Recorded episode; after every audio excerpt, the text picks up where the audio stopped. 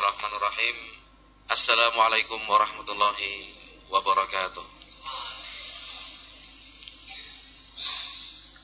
Innal hamdalillah nahmaduhu wa nasta'inuhu wa nastaghfiruh. Wa na'udzu billahi min shururi anfusina wa min sayyiati a'malina. Man yahdihillahu fala mudhillalah wa man yudlil fala hadiyalah. أشهد أن لا إله إلا الله وحده لا شريك له وأشهد أن محمدا عبده ورسوله لا نبي بعده. قال الله عز وجل في القرآن الكريم يا أيها الذين آمنوا اتقوا الله حق تقاته ولا تموتن إلا وأنتم مسلمون. فإن أصدق الحديث كتاب الله. وخير الهدى هدى نبينا محمد صلى الله عليه وسلم وشر الأمور محدثاتها فإن كل محدثة بدعة وكل بدعة ضلالة وكل ضلالة في النار معاشر المسلمين رحمكم الله Setiap orang ingin menjadi yang terbaik semuanya ingin menjadi yang terbaik. Akan tetapi terbaik menurut siapa?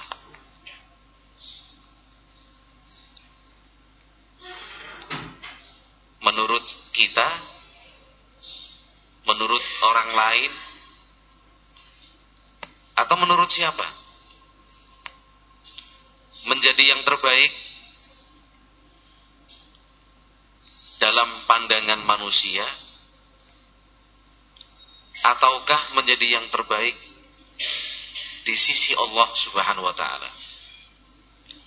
Harus dipastikan dulu ingin menjadi yang terbaik menurut siapa?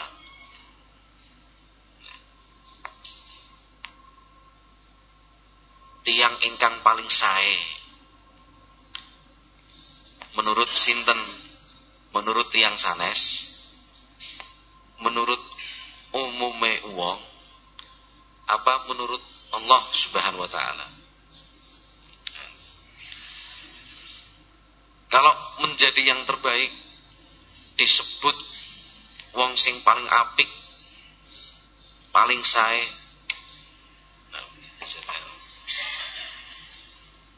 Menurut menungsa menurut yang sanes niku gampil. Gampang lah. Gampang. Nah. oh jangankan lopo tiang sai orang jahat saja bisa jadi baik menurut manusia. Tinggal bayar orang dikasih duit pun bagi-bagi duit aja lali ya ngomong nyong sing paling apik neng desa kene siap. Saya kasih kamu seketewu satu sewu. Orang sudah wah yang paling baik di sini si A sing paling apik neng kene si B Mudah sekali. Tapi apa manfaatnya? Untuk disebut menjadi yang terbaik menurut orang, menurut manusia. Manfaatnya siapa? Tidak bermanfaat. Bahkan menawi dipikir-pikir itu sama saja menghina diri sendiri. Jelas jahat kok memaksa orang lain menilainya baik itu sama saja menghina diri sendiri kalau sadar. Tapi kata hai tiang ya buatan sadar. Yang dikejar, yang dicari status menurut orang, menurut menungsa. Itu yang dikejar, yang dicari, ingkang pun padosi status di hadapan orang lain. Nabi Muhammad sallallahu alaihi wa alihi wasallam. Boten namung sepisan, boten namung ping kalih napa ping tiga. Ngendika babagan khairun nas.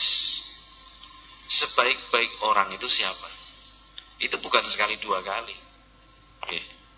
Tapi sering sekali membahas orang yang terbaik itu siapa. Sebelum Nabi Muhammad alaihi salatu wasallam menjelaskan siapa orang yang terbaik itu, Nabi Muhammad menjelaskan yang terbaik menurut siapa. Engkang dipun ajaraken Nabi Muhammad sallallahu alaihi wasallam jih menika dados hamba ingkang paling sae di sisi Allah Subhanahu wa taala. Itu baru bermanfaat. Wonten manfaatipun. Manfaatipun dunia lan akhirat. Yang paling terbaik di sisi Allah itu siapa? Ya kita harus berlomba-lomba. Kita harus berlomba-lomba untuk menjadi yang terbaik. Kalau di dunia menjadi yang terbaik akan mendapatkan status hadiah, piagam, sertifikat, bonus, dipuji-puji, disanjung, dihormati. Tapi ya sementara sementara namung sekedap mawon boten bertahan boten langgeng ya cuma sebentar itu ret selesai tetapi yang kita cari ingkang kita padosi adalah menjadi yang terbaik di sisi Allah Subhanahu wa taala. Karena manfaatnya dunia dan akhirat.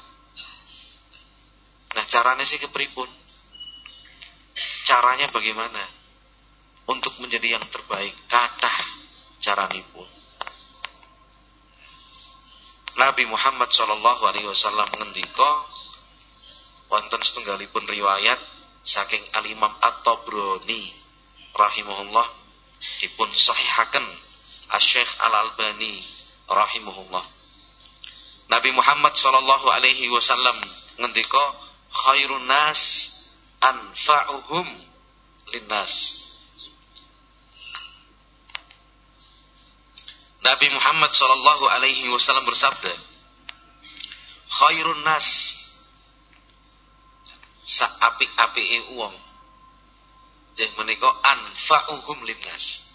Sing paling akeh manfaat tumrap wong liya.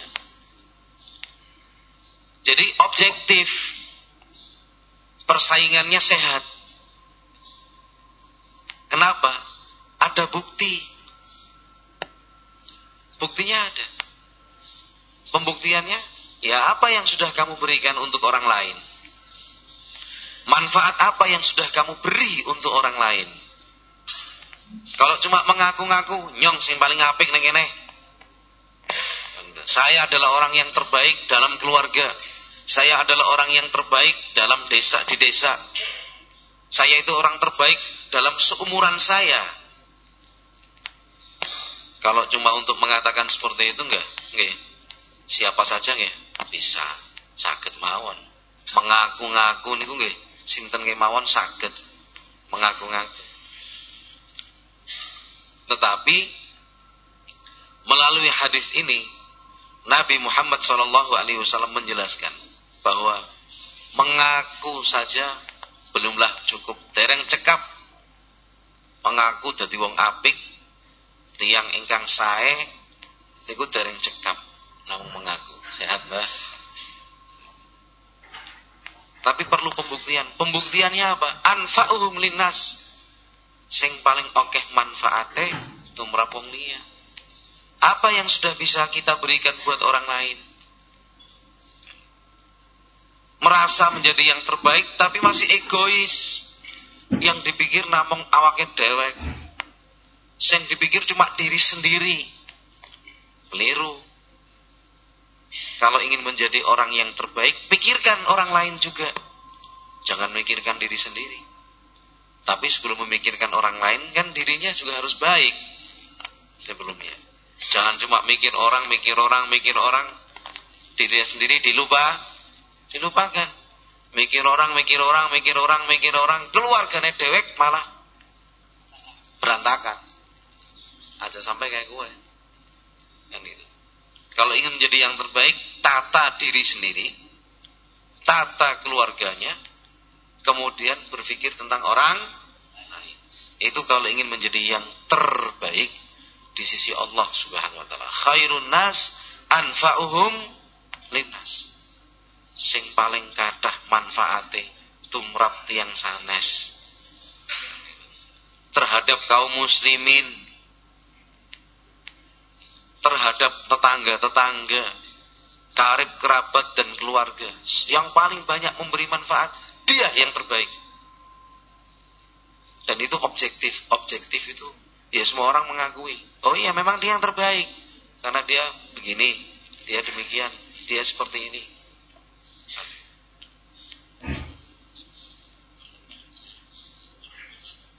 Kalau terbaiknya luntur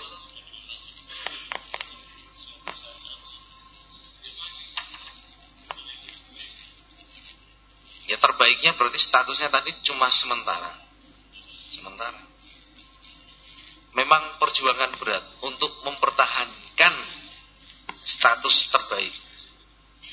Lawang di dunia saja ada status juara bertahan. Nggih Di dunia. Menjadi juara bukan hanya sekali saklawase juara. Nggak mungkin. Tahun ini ada juaranya tahun depan ada juaranya. Tahun depannya lagi ada juara. Kalau hanya berleha-leha namung santai mawon kan itu boten siap bersaing malih nggih. Tahun menika juara setunggal tahun ngajeng dikalahkan jadi juara 10 Jadi yang paling susah menikah nggih mboten namung menjadi yang terbaik, menjadi nomor satu. Yang lebih susah itu mempertahankan gelar, mempertahankan juara. Itu urusan dunia. Menapa malih urusan akhir akhirat. Karena memang manusia nggih molak-malik. Hari ini baik, ngesuk urung tentu apik. Nggih. Memang manusia itu molak-malik. Hari ini semangatnya Masya Allah tinggi luar biasa. Tapi besok pagi alah mboten sah ngentosi ngenjang. Dalu mawon pun malik. Nauzubillah. Tapi itu untuk menjadi yang terbaik, ya mempertahankan. Tidak hanya sekali, bukan namung apa, setunggal kesempatan tapi terus menerus berjuang menjadi khairun nas anfa'uhum linnas. Nah, sekarang masing-masing kita monggo sami nang lekaten nang letaken dumateng diri sendiri. Ampun tang lekar wong liya. Bertanyalah pada diri sendiri. Pertanyaannya apa? manfaat yang sudah kamu berikan untuk orang lain itu apa? Bagaimana? Manfaat yang sudah kamu berikan untuk orang lain itu apa? Jangan berpikir diri sendiri saja. Apa yang sudah kamu berikan untuk orang lain? Di dalam hadis yang lain sebagai contoh, Nabi Muhammad SAW bersabda, "Khairun nas man at'amat ta'am." Niki contoh pertama. Contoh pertama. Bentuk memberi manfaat dumateng tiang sanes niku menapa? Nabi Muhammad sallallahu alaihi wasallam ngendika, khairun nas man at'ama ta'am. Sebaik-baik orang itu yang mau berbagi makanan kepada yang lain. Berbagi makanan. Nggih. Nyaosi tiang sanes panjenengan maringi tetanggi, maringi keluargi, memaringi fakir miskin dalam bentuk arupi makanan. daharan, unjukan. Itu bisa dikatakan telah memberi manfaat untuk orang lain. Apalagi ketika memberi makanan dalam situasi sulit, susah, harga sembako mundak, apa stok sembako menipis, nopo malih panjenengan nembe. Nopo bangkrut artane kirange kathah dan susah tetapi tetap memberi untuk orang lain. Allah Subhanahu wa taala berfirman au it'amun fi yaumin zi mas apa tetap memberi makan. Padahal hari-hari itu hari-hari yang susah. Hari-hari yang susah itu pahalanya luar biasa. Fala hamal aqabah. Wa ma adraka mal aqabah. Fak kuraqabah au it'amun fi yaumin dhi masabah. Surat al-balad nggih. Tetap memberi makan. Memberi makan itu kalau sisa guys napa nggih. Sedaya sedaya nggih saged. Berbagi makanan? Pas sisa banyak kathah niku nggih sinten kemawon? Saged. Tapi cobi panjenengan bayangkan. Kan, makanan terbatas. Namun sekedik tapi tetap berusaha memberi untuk orang lain. Luar biasa. Pahalanya itu. Masya khairun nasman at'ama. Sebaik-baik orang itu yang mau berbagi makanan. Ini salah satu cara langkah yang diajarkan oleh Nabi Muhammad SAW untuk memberi manfaat bagi orang lain. Memberi manfaat untuk makhluk secara umum. Contoh yang lain apa? Menanam. Nggih Pak Yusuf. Menanam, berkebun, bertani itu termasuk dalam kategori khairun nas anfa'uhum linnas. Termasuk juga khairun nas man at'am memberi makanan. Maka Nabi Muhammad SAW menjelaskan orang yang bertanam, ya kan, menanam, menanam apa saja. Kalau Pak Yusuf nanam belimbing ya, kita udah pernah dapat penyuluhan dari Pak Yusuf, itu kurang kurang sowan ke sananya melihat langsung ke lapangan. Penyuluhan di, malah di lapangan lapangan mana? Lapangan yang kita main bola itu lapangan apa Pak Yusuf namanya? Karang Dur ya. Iya gitu lebih ke lapangan apa itu? Penegar. Di lapangan Penegar malah. Bertanam itu luar biasa pahalanya. Nabi Muhammad SAW menjelaskan apa? Isinya cuma pahala, pahala, pahala, pahala, pahala, sedekah, sedekah, sedekah, sedekah, sedekah. Dimakan Nabi Muhammad ngendika akalahu tairun, dimakan burung. Au insanun, dimakan orang. Ya. Atau dimakan binatang lainnya. Apa yang dimakan itu statusnya sedekah. Kalau tidak mengeluh jelas. Ya kalau mengeluh sih ya Wis rampung urusane, rugi ping pindho. Wis ilang dimakan, gak dapat pahala lagi. Rugi dua kali. Rugi dua kali. Jadi ada teman itu pengen apa namanya nanam kelengkeng, Pak Yusuf. Rencang mawon. Wah, aku harap nandur kelengkeng. Pira? Ini hampir setengah hektar mau saya tanam kelengkeng semua. Rencangnya yang satu bilang, Nah, nanti kalau dimakan codot gimana? Itu jawabannya itu yang telak luar biasa. Jadi ini cocoknya apa nih daerah sini? Ini nanam ini, nanam ini. Wah, udah. Pun kelengkeng mawon. Oke, kelengkeng. Udah persiapan lahan. Lahan udah dibersihin. Kemudian apa? Rumput-rumput kering dicabutin, dikumpulin, dibakar. Yang pohon-pohon yang tinggal segini itu karena banyak sekali ada yang dipotong akhirnya. Karena untuk sistem penanaman kelengkeng itu. Lah ada satu orang bilang, wah kalau buahnya nanti dimakan codot gimana? Jawabannya sedekah, ya serampung urusannya. Yang tadi bilang kalau dimakan codot gimana langsung, oh ya wes angkat tangan yo, angkat tangan. Kalau itu sudah tekadmu nanam kelengkeng, kalau misalkan nanti dimakan codot kamu tidak akan mengeluh, ya kan niatmu untuk sedekah saya dukung 100%. Tapi ya itu perlu iman seperti itu. Harus ada ilmu yang matang. Kalau tidak ya cuma mengeluh, mengeluh, mengeluh, mengeluh. Asalkan orang yang bernanam itu ikhlas, niatnya ibadah, niatnya ibadah tidak akan mungkin dipersulit oleh Allah Subhanahu Itu nggak akan mungkin. Asalkan niatnya apa? Ibadah, ibadah. Tapi karena niatnya sudah salah, niatnya sudah salah, ya akhirnya rugi. Salah satu niat yang salah itu apa? Salah niat itu apa? Salah satu niatnya salah. Ketika bersumpah an la yadkhulannaha 'alaiha al-yauma miskin. Orang miskin gak boleh ikut panen. Pelit, medit, kikir, bakhil. Tidak ingin orang lain menikmati hasil kebun secara gratis. Nggak boleh, enak baik.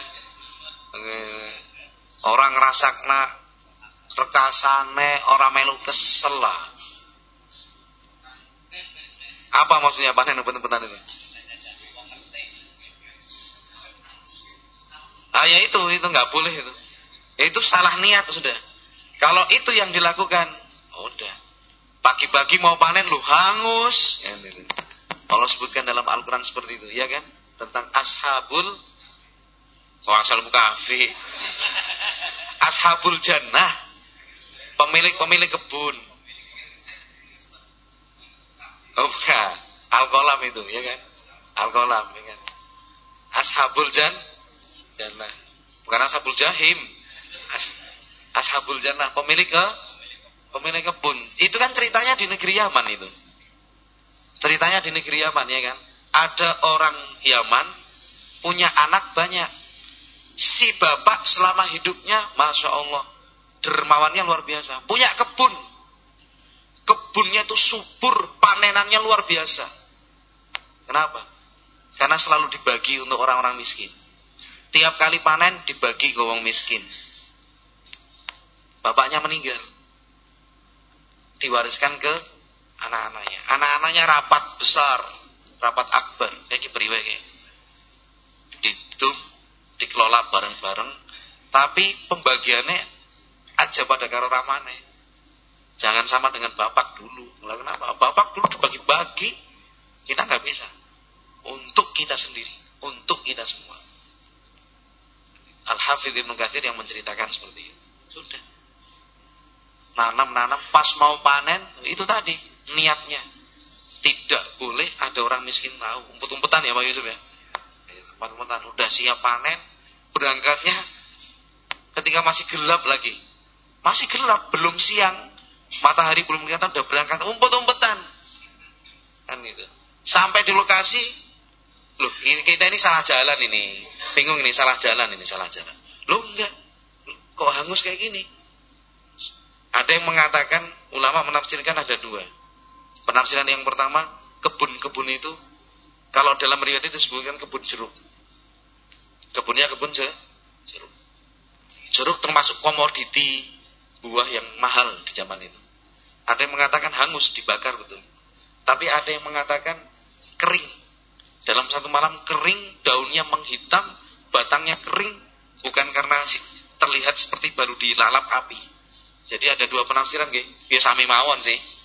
Sama-sama habis. Sama-sama habis. Tapi kemudian di dalam surat itu, dalam ayat-ayat tersebut diterangkan akhirnya mereka bertaubat. Akhirnya mereka ber, bertaubat. Nah itu, itu niatan yang salah. Ya. Pun kesempatan menjadi yang terbaik dengan cara memberi manfaat untuk orang lain dengan cara berbagi makanan untuk orang lain. dalam hal ini buah. Kok kemudian malah sebaliknya. Jadi orang yang paling ru rugi. Kita sedang punya makanan, kita sedang makan entah roti, buah, ada orang datang duduk di samping kita. Kok malah kita yang sungkan, malah kita yang gak enak. Malah kita yang merasa terganggu. Jangan. Itu Allah beri kesempatan kita untuk menjadi yang terbaik. Ada orang datang yang ditawari, Pak, monggo Pak. Oh, buatan. Oh, nggih pun. Oh, jangan. Ya, kita tetap berusaha agak sedikit maksa. Bukan nawarkan jeruk, Pak, jeruk Pak. Oh, buatan, buatan, buatan. Oh, nggih pun. Ya jangan. Kan itu malah seneng alhamdulillah ditolak. Berarti kenanya orang berkurang. Keliru seperti itu. Tapi Pak, jeruk Pak. Oh, buatan. Monggo lo es tuh manis. Oh, buatan. Niki kathah niki. Monggo. Boten, boten. Es tuh monggo. Dibukain, monggo. Dikasihkan.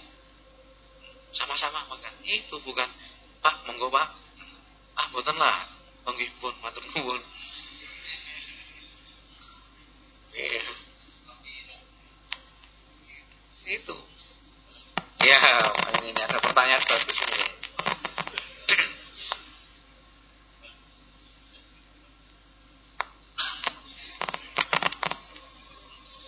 ada seorang pedagang ini ceritanya pedagang. Tadi kan perkebun.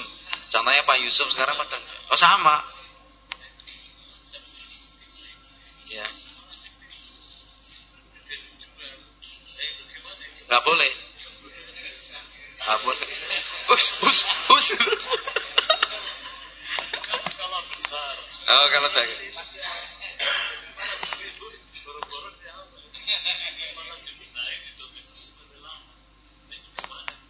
Ya, jadi masalah bahasanya caranya menimbun barang lah, ya kan? Menimbun barang. Jadi perlu dirinci, Pak Ahmad, Pak Rahmat perlu dirinci. Kalau dia melakukan itu, melakukan itu, membuat orang lain susah, tak boleh. Iya, kenapa? Stoknya terbatas, diperlukan banyak orang. Kok dia simpan, dia sembunyikan? Tujuannya untuk biar untung setinggi-tingginya ketika orang perlu itu nggak boleh. Tapi kalau misalkan dia menimbun, sementara stoknya masih banyak, dia simpan, tidak ada masalah. Jangan merugikan orang lain. Nabi Muhammad SAW bersabda, "Waman syaqqa syaqqallahu alaihi." Hadis Abu Surmah. Dihasankan oleh Syekh Al-Albani rahimahullah. Nabi Muhammad ngendika, barang siapa mempersulit orang Allah akan mempersulit dirinya. Hati-hati. Hati-hati. Ketika orang itu sedang perlu apa? bensin, langka BBM. Susah sekali. Kita punya banyak stok. Simpan, simpan, simpan. Padahal orang lain perlu untuk berkegiatan, untuk kerja, perlu bahan bakar. Disimpan. Ternyata tujuannya apa? Menyulitkan orang lain. Allah akan mempersulit dirinya. Aja, jangan. Bukan kemudian juga apa namanya membantu orang yang itu ternyata juga akan merugikan sendiri ya jangan. Maksudnya kita punya stok 100 liter, ada orang datang tak borong 100 liter. Ini sudah tanda-tandanya nggak baik ini. Enggak, kalau 100 liter nggak boleh. Pokoknya satu orang maksimal 2 liter. Dibagi-bagilah karuangnya. Nah itu luar biasa. Tapi saya siap dengan harga yang lebih tinggi? Enggak. Nyon sewu kalau buatan butuh duit. Kalau butuh duit sih saya nggak akan jual sama jenengan. Masih ada yang siap membeli dengan harga yang lebih tinggi dari jenengan. Satu liter tujuh ribu, saya siap sepuluh ribu. Ada yang siap lima belas ribu. Tapi tujuan saya bukan itu. Memberi manfaat buat orang lain. Mix maksimal dua liter.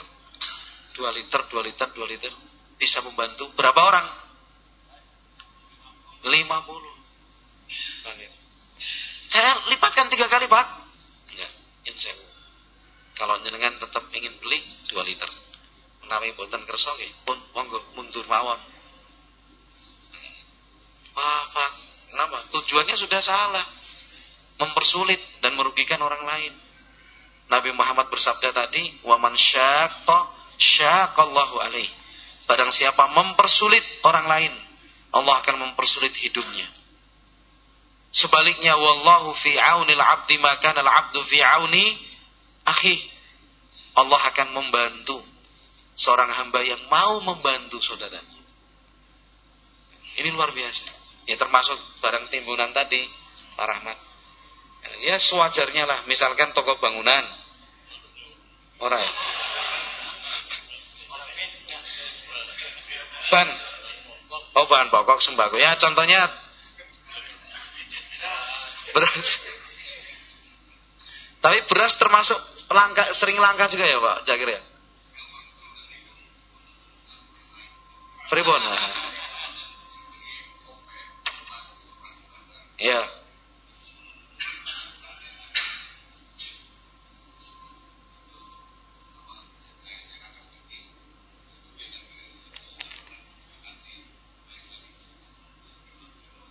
Oh, gitu.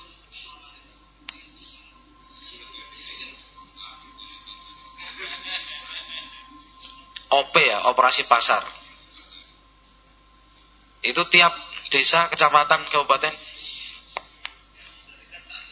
Apa? Itu pemerintah yang melakukannya. Alhamdulillah. Berarti pemerintah kita ya sangat perhatian. Artinya itu dari dulu ya sampai sekarang begitu peraturannya. Tapi yang disasar cuma makanan-makanan yang pokok kan. Pasir ya enggak lah pasir. Ini sudah sesuai sesuai anu pergerakan harga nggih. Tapi ya sembako ya biasanya.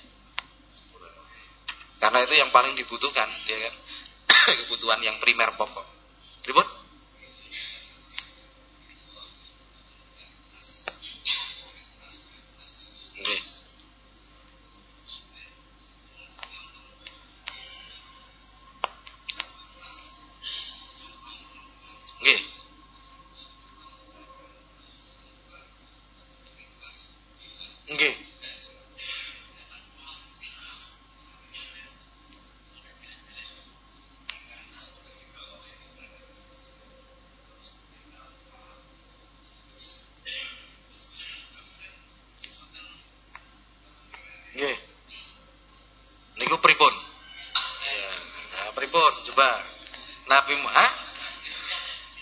Iya, Nabi Muhammad bersabda walikul limri'in ma nawa. Innamal a'malu bin niyat wa innamal likulli imri'in ma nawa. Akhirnya apa yang akan dia dapatkan sesuai dengan apa yang dia niatkan. Kalau untuk pandangan orang dapat dia. Untuk status di mata manusia ulih. Mau ngapik, saya dermawan. Oke. Okay. Bapaknya kalah Simbahnya juga kalah. Simbahnya itu dermawan, tapi masih kalah sama cucunya. Bapaknya dulu luar biasa dermawan, isi kalah ke anaknya. Itu status dapat. Tapi apa yang akan dia peroleh di sisi Allah? Ya likul imri'in ma Sesuai dengan niatan masing masing-masing. Nah, sesuai dengan niatan masing-masing. Nabi Muhammad SAW bersabda, "Man istata'a minkum an yanfa'a akhahu falyaf'al." Hadis riwayat Muslim. Siapa saja dari kalian yang bisa memberi manfaat untuk orang lain, kerjakan, lakukan. Manfaat itu apa? Satu, manfaat duniawi. Tadi ngasih makanan, ya kan? Kemudian membantu orang yang sedang kesulitan. Kita punya skill dan kemampuan. Misalkan pinter listrik.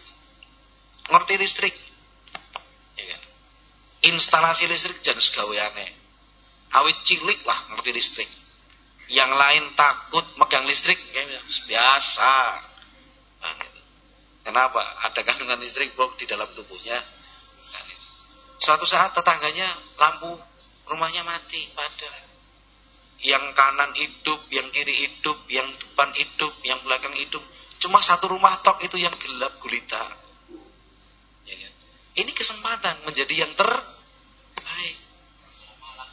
Orang Orang malah berpikir sing Allah. Berpikir yang jelek itu apa?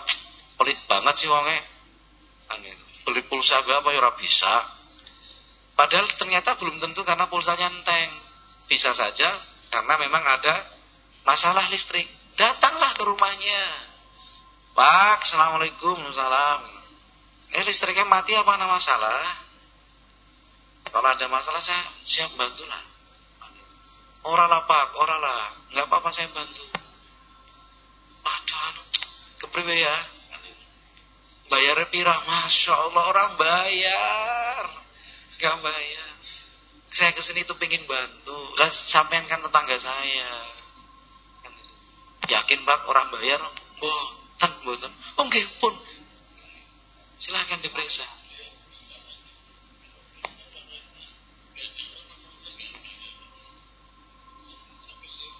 Ya. Ya dibelikan rekening. Iya. Orang mampu kan. Kalau dia mampu, nggak mungkin tidak membeli pulsa. Karena listrik itu kebutuhan pokok. Iya kan? Sudahlah, nggak mungkin. Tinggal, Tapi ini contohnya, contoh yang kita berikan itu memang rusak, Rahmat. Instalasi listriknya rusak. Kadang orang kalau memang nggak punya itu ya bingung. Mending dia gelap-gelapan daripada manggil tukang listrik tapi dia nggak punya u uang. Kadang orang yang paling kaya aja kadang-kadang nggak punya u. Betul nggak Pak Takir? Pernah nggak merasakan walaupun usaha lumayan gede, pas betul-betul nggak punya uang, nggak bawa duit, karena uangnya sedang muter. Pernah? Oh sering malah. Jadi rumahnya mati listriknya, ya saya datang karena apa? Saya tahu Listrik ini contoh aja. Panjenengan mengerti ilmunya lah, Pak. Saya bantu. Oh ya matur nuwun bantu Allah. Ternyata cuma apa?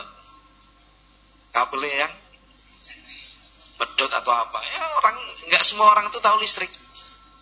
Dipasang nyala. Alhamdulillah. Satu rumah alhamdulillah. Anak-anaknya bojone alhamdulillah. Insyaallah bisa memberi manfaat. bisa nonton TV ya bisa memberi manfaat untuk orang lain, masya Allah, alhamdulillah. Itu pahalanya luar biasa. Pahalanya luar biasa. Ada orang naik motor di pinggir jalan sambil dituntun. Kita lihat bannya bocor apa ya? Orang. Bensinnya telas. Ya jangan cuma lewat, Pak. Macet apa? Cuma nanya doang. Ya bukan seperti itu akhlak seorang muslim menjadi pengikut kanjeng Nabi buatan kados menika. Kalau betul-betul ingin menjadi pengikutnya Nabi Muhammad melihat seperti itu ya berhentilah sebentar. Bukan cuma pak, macet pak, apa bensin enteng ya? ya sambil lewat. Masya Allah. Ya mbok ya berhenti. Kan gitu ya, berhenti. Kan itu. Pak saya bantu. Misalkan kita betul-betul nggak punya uang juga. Kita sedang macet lah. Pak mau beli bensin tak antar dulu. Ini motornya biar di sini. Ya kan? saya boncengkan itu di depan sana kira-kira satu kilo ada orang jualan bensin ecer. Gimana?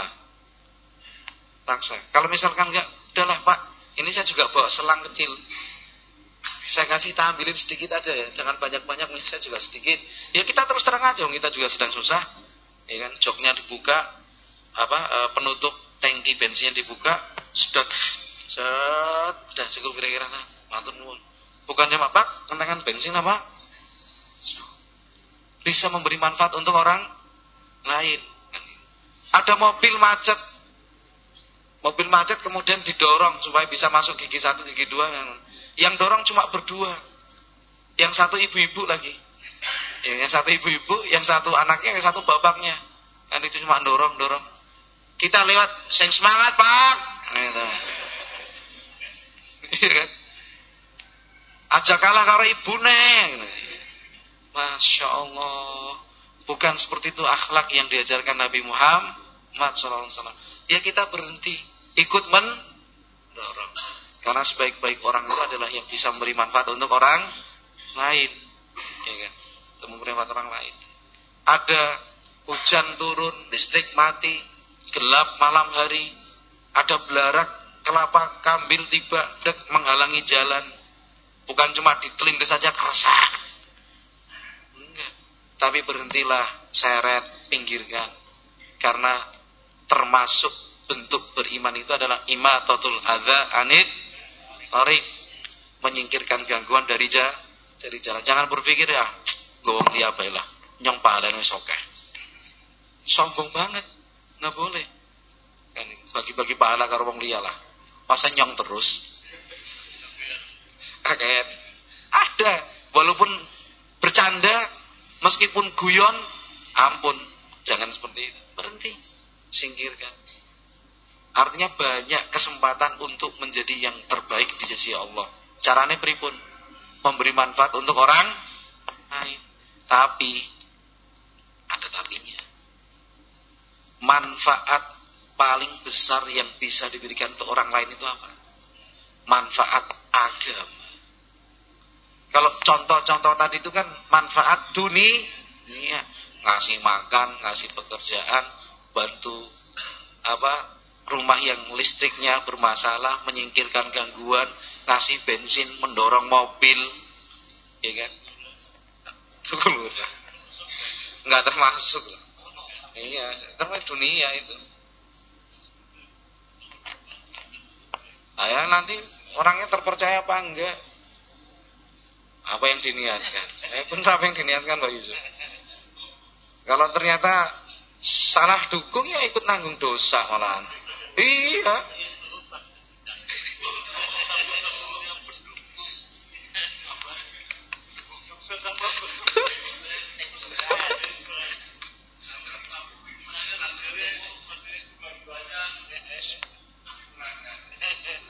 Lah berat sekali. Berat sekali. Apalagi zaman apalagi zaman sekarang dukung mendukung tidak ada yang gratis Pak Yusuf. Nggak ada yang gratis, cari nggak ada yang gratis. Pasti mau jadi ini harus apa? Belum jadi aja udah diminta. Pas giliran gagal kayak balik nama nih. Hmm. Cerita seperti itu banyak Pak Dagir. Ini yang mulai Pak Rahmat. Saya nggak ikut-ikutan ini.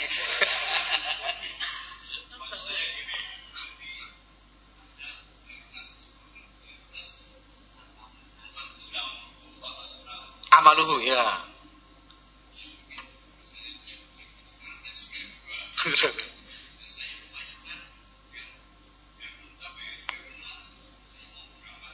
Iya. Oh nggak ada urusan tua. Tidak ada batasan. Oh masih muda. Tapi sekarang sudah mulai berpikir. Itu dulu Pak Rahmat. Sekarang sudah berpikir Nabi Muhammad ngendika khairun nas man tala umruhu wa hasuna amaluhu. Sebaik-baik orang itu yang umurnya panjang tapi perbuatannya baik. Bukan cuma umurnya panjang saja, tapi semakin nambah umurnya, semakin apik amalah amalane. Ya kesempatan Pak Dagir. Ya kan? Tidak semua orang pada usia seperti Pak Dagir punya kesadaran.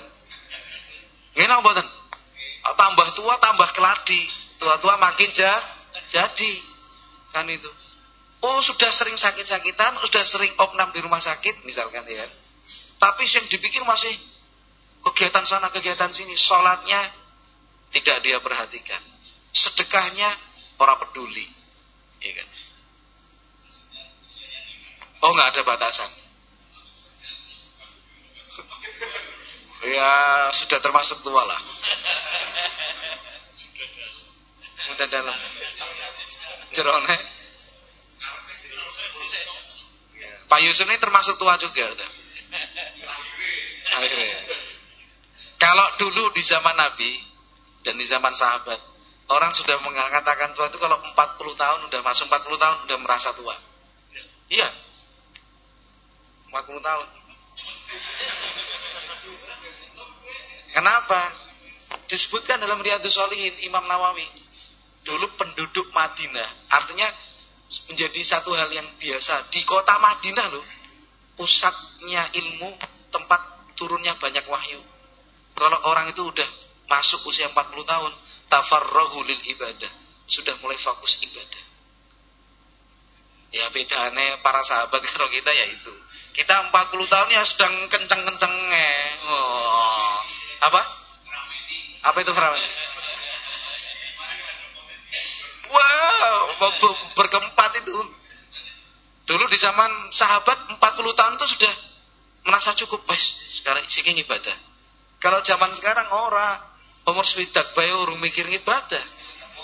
Orang belum tentu kan gitu. Nanti kalau udah nggak bisa apa-apa baru berpikir ibadah. Zaman dulu usia potensial sedang kuat-kuatnya sehat-sehatnya diberikan lillah.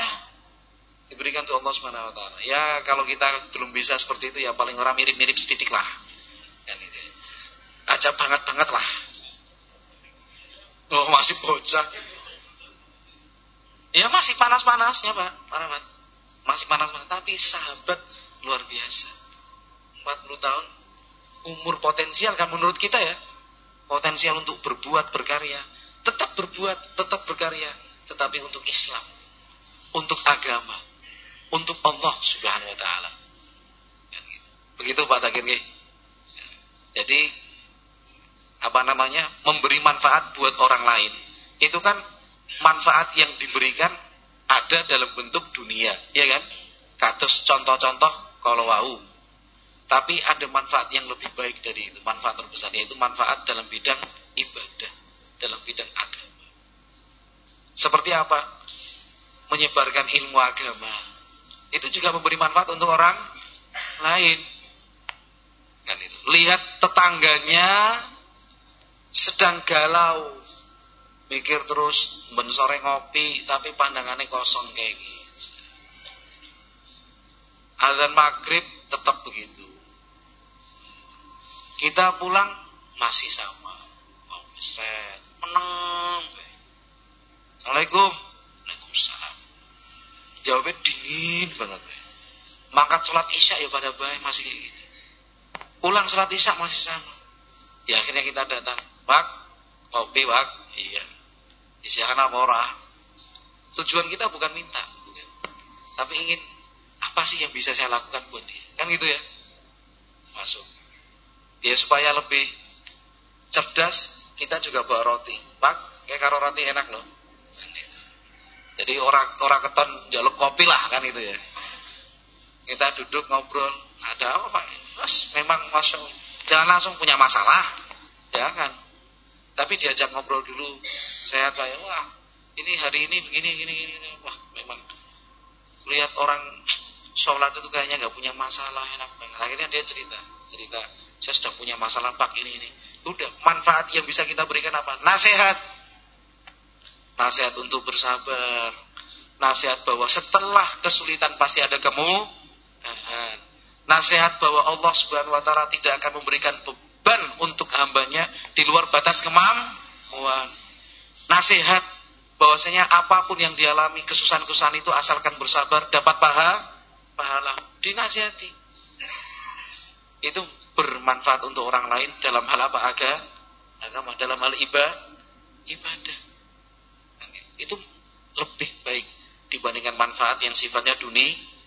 Dunia. Kita memberi memberi sesuatu. Antara sesuatu itu untuk keperluan dunia dengan sesuatu itu untuk keperluan ibadah. Lebih tinggi mana? Ya untuk yang ibadah. Untuk yang i, ibadah. Dibelikan sarung, dibelikan baju takwa, baju koko. Ya kan? Supaya bisa digunakan untuk sholat. Itu pahalanya berlipat-lipat. Pahalanya lebih lebih banyak menyampaikan ayat Al-Quran, menyampaikan hadis-hadis Nabi Muhammad SAW, atau membantu orang-orang yang menyebarluaskan ilmu agama, pahalanya lebih berkali-kali lipat. Lebih berkali-kali lipat. Sekarang pertanyaan buat siapa aja lah yang jawab. Mengeluarkan uang untuk membangun pos ronda. Ukurannya 5 kali 5 aja. Panggung maning kayu, serba kayu, lima kali lima. Biayanya besar sekali untuk pos ronda. Ini bermanfaat apa tidak ini? Sangat bermanfaat untuk kepentingan keamanan dan segala macam. Oh, ya sesuai niatannya. Sesuai niatannya. Ini niatannya untuk buat pos ron, ronda, untuk keamanan kampung lah. Kan itu. Itu kan oknum. Tapi lebih besar mana pahalanya dengan orang yang membangun musola. Karena di daerah itu belum ada musola. Yang salat berjamaah, yang orang-orang tua berangkat ke masjid ke sana cukup banyak, ya 10 orang, tua-tua. Tapi karena semangat sholat harus jauh. Akhirnya gimana nih? Ngobrol sama warga simba-simba itu. Tak bangunkan musola. Wah senang banget. Biaya yang dikeluarkan untuk buat pos ronda dengan biaya yang dikeluarkan untuk musola sama. Yang pos ronda lima kali lima, musola juga lima kali lima. Lebih banyak mana pahalanya? Sama-sama berpahala lah. Tapi lebih banyak mana pahalanya? Membangunkan musol, musola. Membangunkan musola. Lebih banyak mana pahalanya? Ya jelas lebih banyak yang musola itu. Kenapa? Manfaatnya terkait dengan agama. Manfaatnya terkait dengan ibadah. Ibadah. Yang kita kejar, yang kita cari adalah menjadi yang terbaik di sisi Allah Subhanahu wa taala sehingga mendapatkan pahala yang sebanyak banyaknya. Itu sabda Nabi Muhammad wasallam, khairun nas anfa'uhum linnas. Sebaik-baik orang adalah yang bisa memberi manfaat untuk orang lain. Manfaat yang diberikan itu ada dua manfaat dunia, manfaat akhirat. Kalau manfaat dunia ya kita semangat. Apalagi untuk manfaat yang sifatnya a akhirat. Mudah-mudahan Allah Subhanahu wa taala membantu kita semua, memudahkan kita untuk mengamalkan hadis Nabi Muhammad sallallahu alaihi wasallam. Ilmunya sudah didapat, tinggal berbuat. Ilmunya sudah difahami, tinggal dijalani Bukan cuma mendengar paham, mendengar paham, tidak ada action di lapangannya. Yaitu yang bahaya. Bahaya. Wallahu alam sawab, kita cukupkan sekian. Memang waktunya sekarang sudah mulai berubah, bergeser. Pasti penjenengan juga banyak yang akan berkegiatan. Mudah-mudahan Allah Subhanahu wa taala memberikan berkah untuk kita semua. Subhanakallahumma wa bihamdik asyhadu an la ilaha illa anta astaghfiruka wa atubu ilaik. Assalamualaikum warahmatullahi wabarakatuh.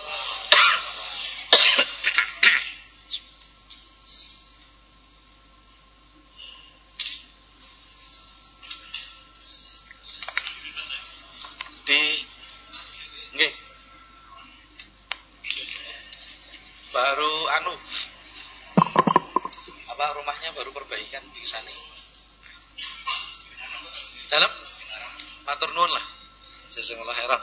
Yang penting ancer-ancer rumahnya Mas Auli ya. Kemarin tuh saya cari yang ini apa yang ini, tapi kok kayaknya nggak pantas jadi rumah. Tak pikir di samping ring roadnya. Ternyata Bang Jo ngalir sekedik, ada gang kiri. Kiri. Paling nanya ya rumahnya Wong Bumen lah. Oke.